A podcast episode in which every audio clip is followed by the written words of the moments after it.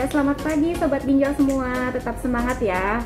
Walaupun dalam kondisi PPKM seperti ini, di mana kita dianjurkan untuk stay at home, bukan berarti kita berdiam di rumah saja, tidak bisa melakukan upaya-upaya untuk meningkatkan kesehatan dan kebugaran. Nah, salah satu upaya kita untuk meningkatkan status kesehatan adalah dengan aktivitas fisik. Berhubungan dengan aktivitas fisik, Kali ini kita akan membahas mengenai aktivitas fisik yang dapat dilakukan pada pasien dengan penyakit ginjal kronik. Pada episode kali ini kami kedatangan narasumber tamu yaitu Dr. Dedi Teja Sukmana, spesialis kedokteran fisik dan rehabilitasi dari KSM Kedokteran Fisik dan Rehabilitasi FKUI RSCM. Dan tentu saja kita ditemani oleh narasumber ginjal kita yaitu Dr. Maruhum Bonar Marbun, spesialis penyakit dalam konsultan ginjal hipertensi. Aktivitas uh, fisik ini kan penting ya dok bagi semua orang agar kita tetap terjaga kesehatannya. Nah untuk Dokter Bonar uh, pada pasien dengan penyakit ginjal kronik dok ada nggak sih dok uh, pembatasan dari aktivitas fisik apakah uh, memang dianjurkan untuk bed rest atau mungkin ada aktivitas fisik tertentu yang dibolehkan dok?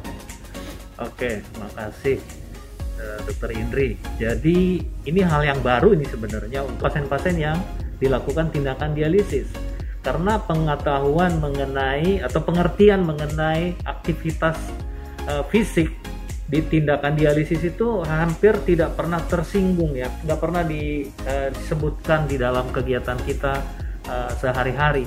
Ternyata aktivitas fisik itu sangat bermakna untuk uh, akhirnya akan menghasilkan kualitas hidup pasien tersebut menjadi akan lebih baik atau lebih bugar katakan begitulah. Mungkin nanti dokter Didi akan menambahkan.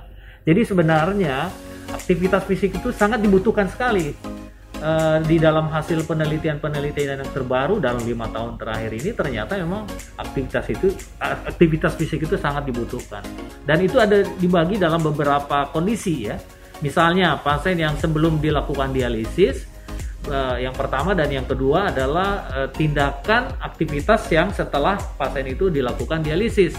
Nah, mungkin kita akan fokus dulu untuk yang saat ini untuk yang pasien yang dilakukan dialisis. Nah, untuk yang dilakukan dialisis ini ada tiga kondisi mungkin ya, sebelum dialisis, pada saat dialisis, dan setelah dialisis.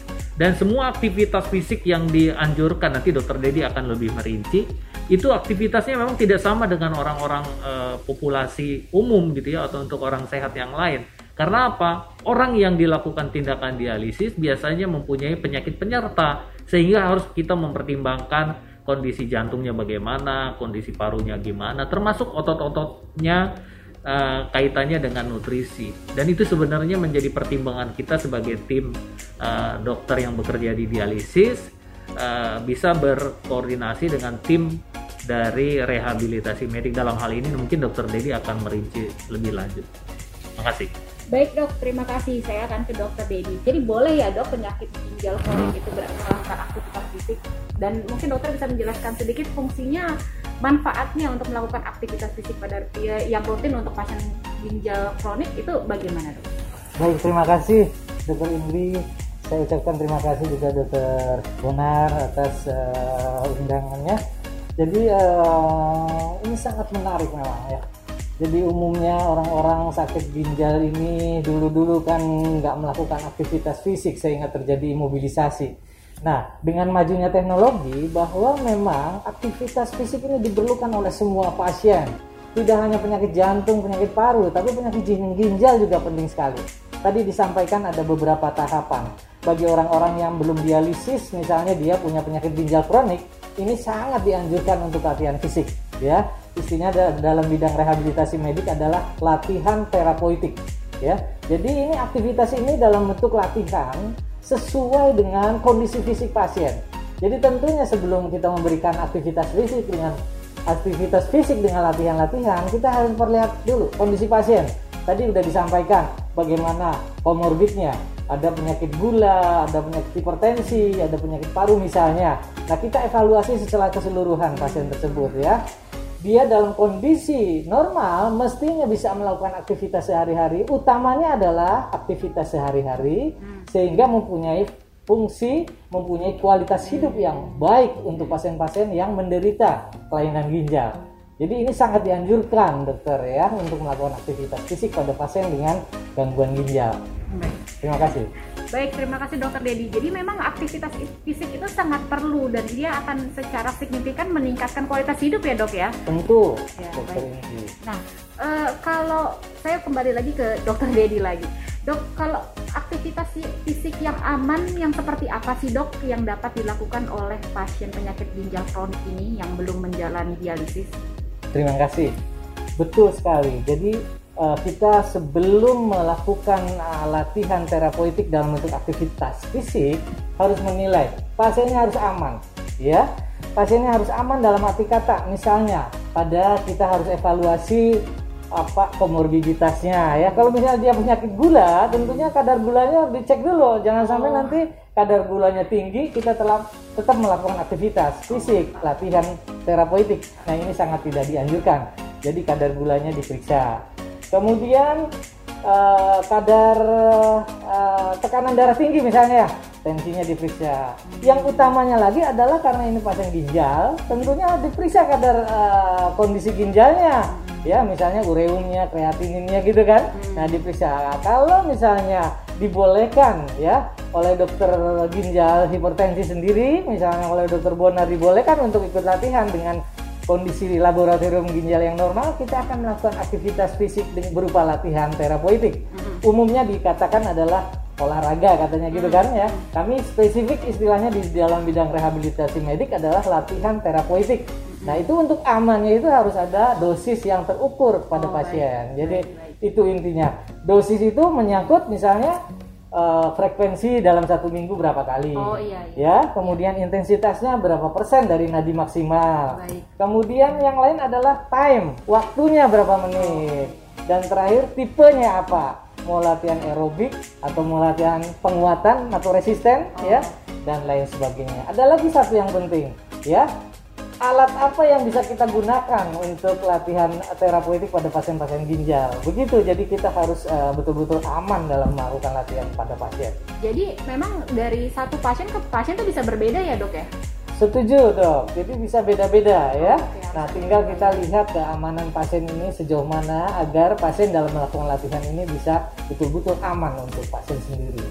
Dok, izin bila dokter berkenan mungkin secara umum dokter bisa menjelaskan mengenai latihan terapeutik itu bentuknya aja sih dok secara umum seperti apa? Ya baik, salah satunya adalah kita bisa menggunakan tiga. Ya, satu bisa latihan yang sangat simpel, latihan berjalan saja. ya di track nih seperti di track ya kedua dengan latihan treadmill ketiga dengan ego cycle sepeda statis ya tapi kan yang dua ini memerlukan alat yang harus kita sediakan ya itu perlu mungkin harus uh, biaya dan lain sebagainya. Tapi yang paling mudah dan dianjurkan bisa dikerjakan oleh semua orang adalah latihan jalan aerobik dok. Yang biasa dikerjakan. Itu sangat-sangat mudah. Baik dengan dosis yang sudah sesuai. persis. Ya, nah untuk dokter Bonar, nah dari segi ginjalnya nih dok, eh, ginjal yang aman atau kondisi pasien yang aman seperti apa sih dok yang dibolehkan untuk melakukan aktivitas fisik? Oke, ini pertanyaan yang lumayan kompleks ya jawabannya. Karena kita harus menjelaskan komorbid sebetulnya. Karena kalau kita tidak mengetahui komorbid, artinya apa? Bukan kalau bahasa awamnya itu penyakit penyerta lah gitu ya. Kalau tahu penyakit penyertanya sampai dia gagal ginjal, misalnya contohnya dengan diabetes atau dengan hipertensi atau dengan penyakit eh, autoimun ya, itu akan berbeda pendekatannya. Jadi apa yang ditekankan tadi dokter Dedi, parameter-parameter yang secara klinis ya katakanlah karena kita dokter, secara klinis itu kita bisa nilai ada kondisi yang tidak stabil atau stabil, pada saat itulah kita mulai untuk melakukan aktivitas. Kadang-kadang begini juga sih menjadi persoalan itu adalah pasien-pasien yang penyakit ginjal kronik itu kan sering kali dirawat dulu dia kan. Nah pada saat dirawat pun sekarang pada saat itu dia sudah menjadi eh, gangguan imobilisasi. Sebenarnya kalau pengetahuan kita yang baru itu sebenarnya mulai dia di diagnosis penyakit ginjal kronik sebenarnya aktivitas itu sudah harus diberikan ya. Begitu mungkin dokter Dedi. Justru justru itu yang mungkin yang saya juga ingin eh, tanyakan juga ke dokter Dedi. Kadang-kadang orang yang dilakukan dialisis, ini mungkin untuk dialisis dulu lah karena pasien-pasien kita kan banyak yang yang mengikuti acara podcast ini orang yang dilakukan dialisis. pada saat dilakukan dialisis misalnya tensinya jadi naik apakah itu harus diteruskan aktivitas fisik yang dilakukan misalnya kita lagi treatment nih atau kita stop dulu? Nah itu yang kadang-kadang menjadi pertimbangan kita ya. Nah atau batasannya mungkin tensinya. Kadang-kadang kalau tensinya di atas 200 sudah pastilah tidak boleh dilanjutkan. Tapi kalau tensinya hanya 150 160 sebelumnya dia 100 apakah itu boleh diteruskan atau tidak? Ini menjadi menarik mungkin dokter Dedi terima kasih dokter. Ini juga uh, statement yang perlu kita siasati dok ya. Memang kita dalam pengelolaan penyakit gagal ginjal kronik memang kalau kita bagi itu ada periode inpatient dan outpatient. Tadi kan dokter Benar bilang bahwa pada masa perawatan ini penting sekali ya. Nah perawatan yang seperti apa? Misalnya perawatan yang bukan dialisis karena dia penyakit ginjal kronik dan perawatan karena dialisis. Karena ceritanya tadi yang dialisis itu boleh saja dia melakukan aktivitas latihan pada saat pasien dilakukan dialisis. Kemudian ada beberapa parameter yang harus kita perhatikan pada saat pasien itu juga dilakukan dialisis. Tadi disampaikan mengenai tekanan darah yang penyakit penyerta misalnya.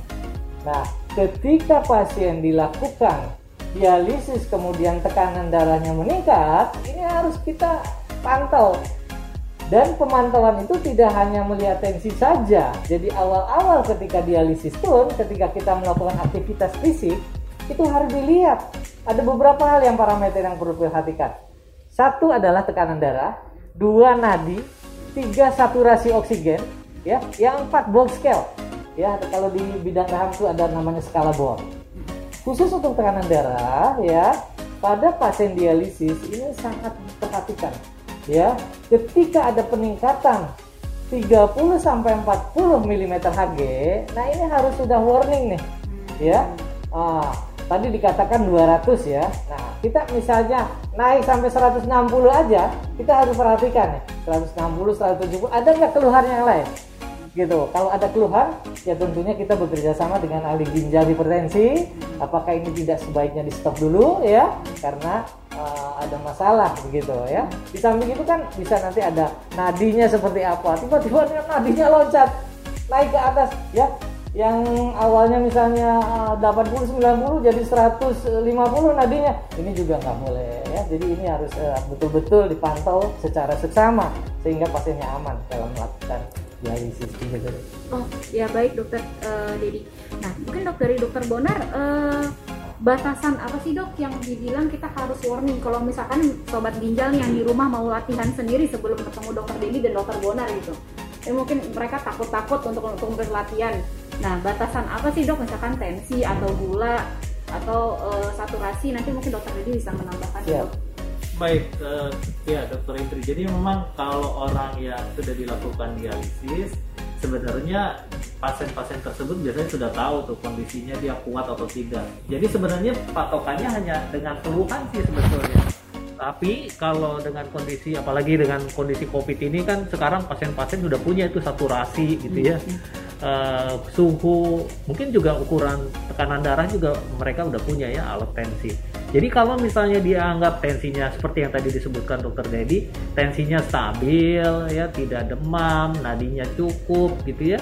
Nah, pasien-pasien itu biasanya mengerti, oh ini saya boleh untuk olahraga. Hmm. Mungkin yang paling penting lagi sekarang itu adalah pasien-pasien yang sudah olahraga dan yang tidak pernah olahraga itu akan berbeda pendekatannya, ya toh? Hmm. Kalau yang sudah olahraga pasti udah tahu dia patokannya harus memulai olahraganya kapan. Tapi kalau yang menjadi masalah itu adalah pasien-pasien yang nggak pernah olahraga atau olahraganya kadang-kadang. Nah itu yang harus kita berikan anjuran parameter-parameter apa yang harus diperhatikan yang seperti yang disebutkan Dokter Dedi. Saya kira begitu ya, Dokter Dedi. beda ya dok yang udah udah olahraga yang biasa olahraga dengan yang belum biasa olahraga. Mungkin Dokter Dedi ada yang mau ditambahkan? Jadi betul ah, apa yang disampaikan Dokter Buaner bagi orang-orang yang nggak pernah olahraga ini biasanya orang itu mempunyai kualitas hidup yang kurang baik kemampuan fisik yang kurang baik ya. Sehingga apa? Sehingga orang ini pasien ini akan cepat mudah lelah ya. Mudah lelah fatigue ya. Kemudian mungkin uh, latihan sebentar aja udah mulai sesak keluhannya gitu kan. Karena uh, badannya betul-betul ya tidak terlatih gitu loh sehingga dalam penentuan dosisnya berbeda antara orang yang nggak pernah olahraga dengan orang yang dengan olahraga ya. Terutama kalau kita bicara dosis tadi saya sampaikan ada frekuensi per minggu ya. Nadinya kemudian uh, waktunya dalam melakukan olahraga kemudian satunya lagi adalah tipenya apa yang harus dikerjakan gitu. Jadi bertahap sekali. Bagi orang yang jarang olahraga sedenter misalnya ya sedentary ini harus kita upayakan dengan dosis yang minimal dulu ya bertahap gitu ya. Beda dengan orang yang biasa olahraga dengan kemampuan fisik yang bagus itu udah bisa melakukan dosis yang lebih uh, tinggi daripada orang yang tidak pernah olahraga. Begitu dok intinya. Tapi bagi orang yang memang melakukan olahraga teratur ya itu akan menghasilkan kemampuan fisik yang sangat prima bagi pasien-pasien penyakit ginjal ya. Dengan terbukti bahwa ada beberapa penelitian yang sudah dikerjakan itu kapasitas aerobiknya akan lebih bagus orang yang melakukan olahraga dibandingkan yang orang nggak pernah olahraga ya. Jadi pada pasien ginjal pun berlaku bahwa dengan terapeutik latihan itu akan meningkatkan kapasitas aerobik yang sangat bermanfaat untuk aktivitas kegiatan sehari-hari dan pada muaranya adalah memperbaiki kualitas hidup bagi pasien. Itu barangkali yang penting. Terima kasih banyak Dokter Bonar dan Dokter Dedi. Ini topik sangat menarik ya menurut saya ya. Yang yang bisa kita tangkap dari diskusi kali ini itu adalah aktivitas fisik itu perlu sangat penting untuk meningkatkan kualitas hidup pada pasien dengan penyakit ginjal kronik dan uh, aktivitas fisik bagi pasien itu bisa berbeda-beda dilihat dari komorbid dan juga penyakit penyerta dan juga uh, komplikasi ya yang mungkin uh, sudah dialami pasien tersebut dan harus ada penilaian dari dokter rehabilitasi medik dan dokter uh, penyakit dalam uh, ginjal hipertensi. Untuk uh, tahapan atau untuk dosis latihan ya, pada pasien yang uh, sudah menjalani dialisis bisa kita dengarkan ya sebenarnya di podcast uh, berikutnya masih bersama dengan Dokter Dedi dan Dokter Bonar. Nah sebelum saya tutup, saya minta Dokter Bonar mungkin bisa menyampaikan pantun, Dokter. Sebelum saya baca pantun, sebenarnya uh, terima kasih Dokter Dedi ya. Jadi memang kita harus bisa mengajak eh, pasien-pasien kita yang yang dilakukan dialisis untuk memulai aktivitas fisik secara bertahap mungkin ya, terutama untuk pasien-pasien kita yang belum pernah berolahraga mungkin ya. Yeah. Kalau yang sudah olahraga mungkin gampang kali ya nyuruhnya ya mungkin kita harus bisa mengajak mereka terutama pasien-pasien kita ya pasien-pasien kita yang ada di uh, eh, RSCM terutama ya baik sobat ginjal saya akan menutup acara ini dengan satu pantun nih ya. Minuman bersoda membuat perut kembung. Minum air putih setelah beraktivitas. Podcast ini nanti kita sambung tentunya membahas topik-topik yang berkualitas. Ya salam sehat sobat ginjal. Terima kasih. Salam sehat sobat ginjal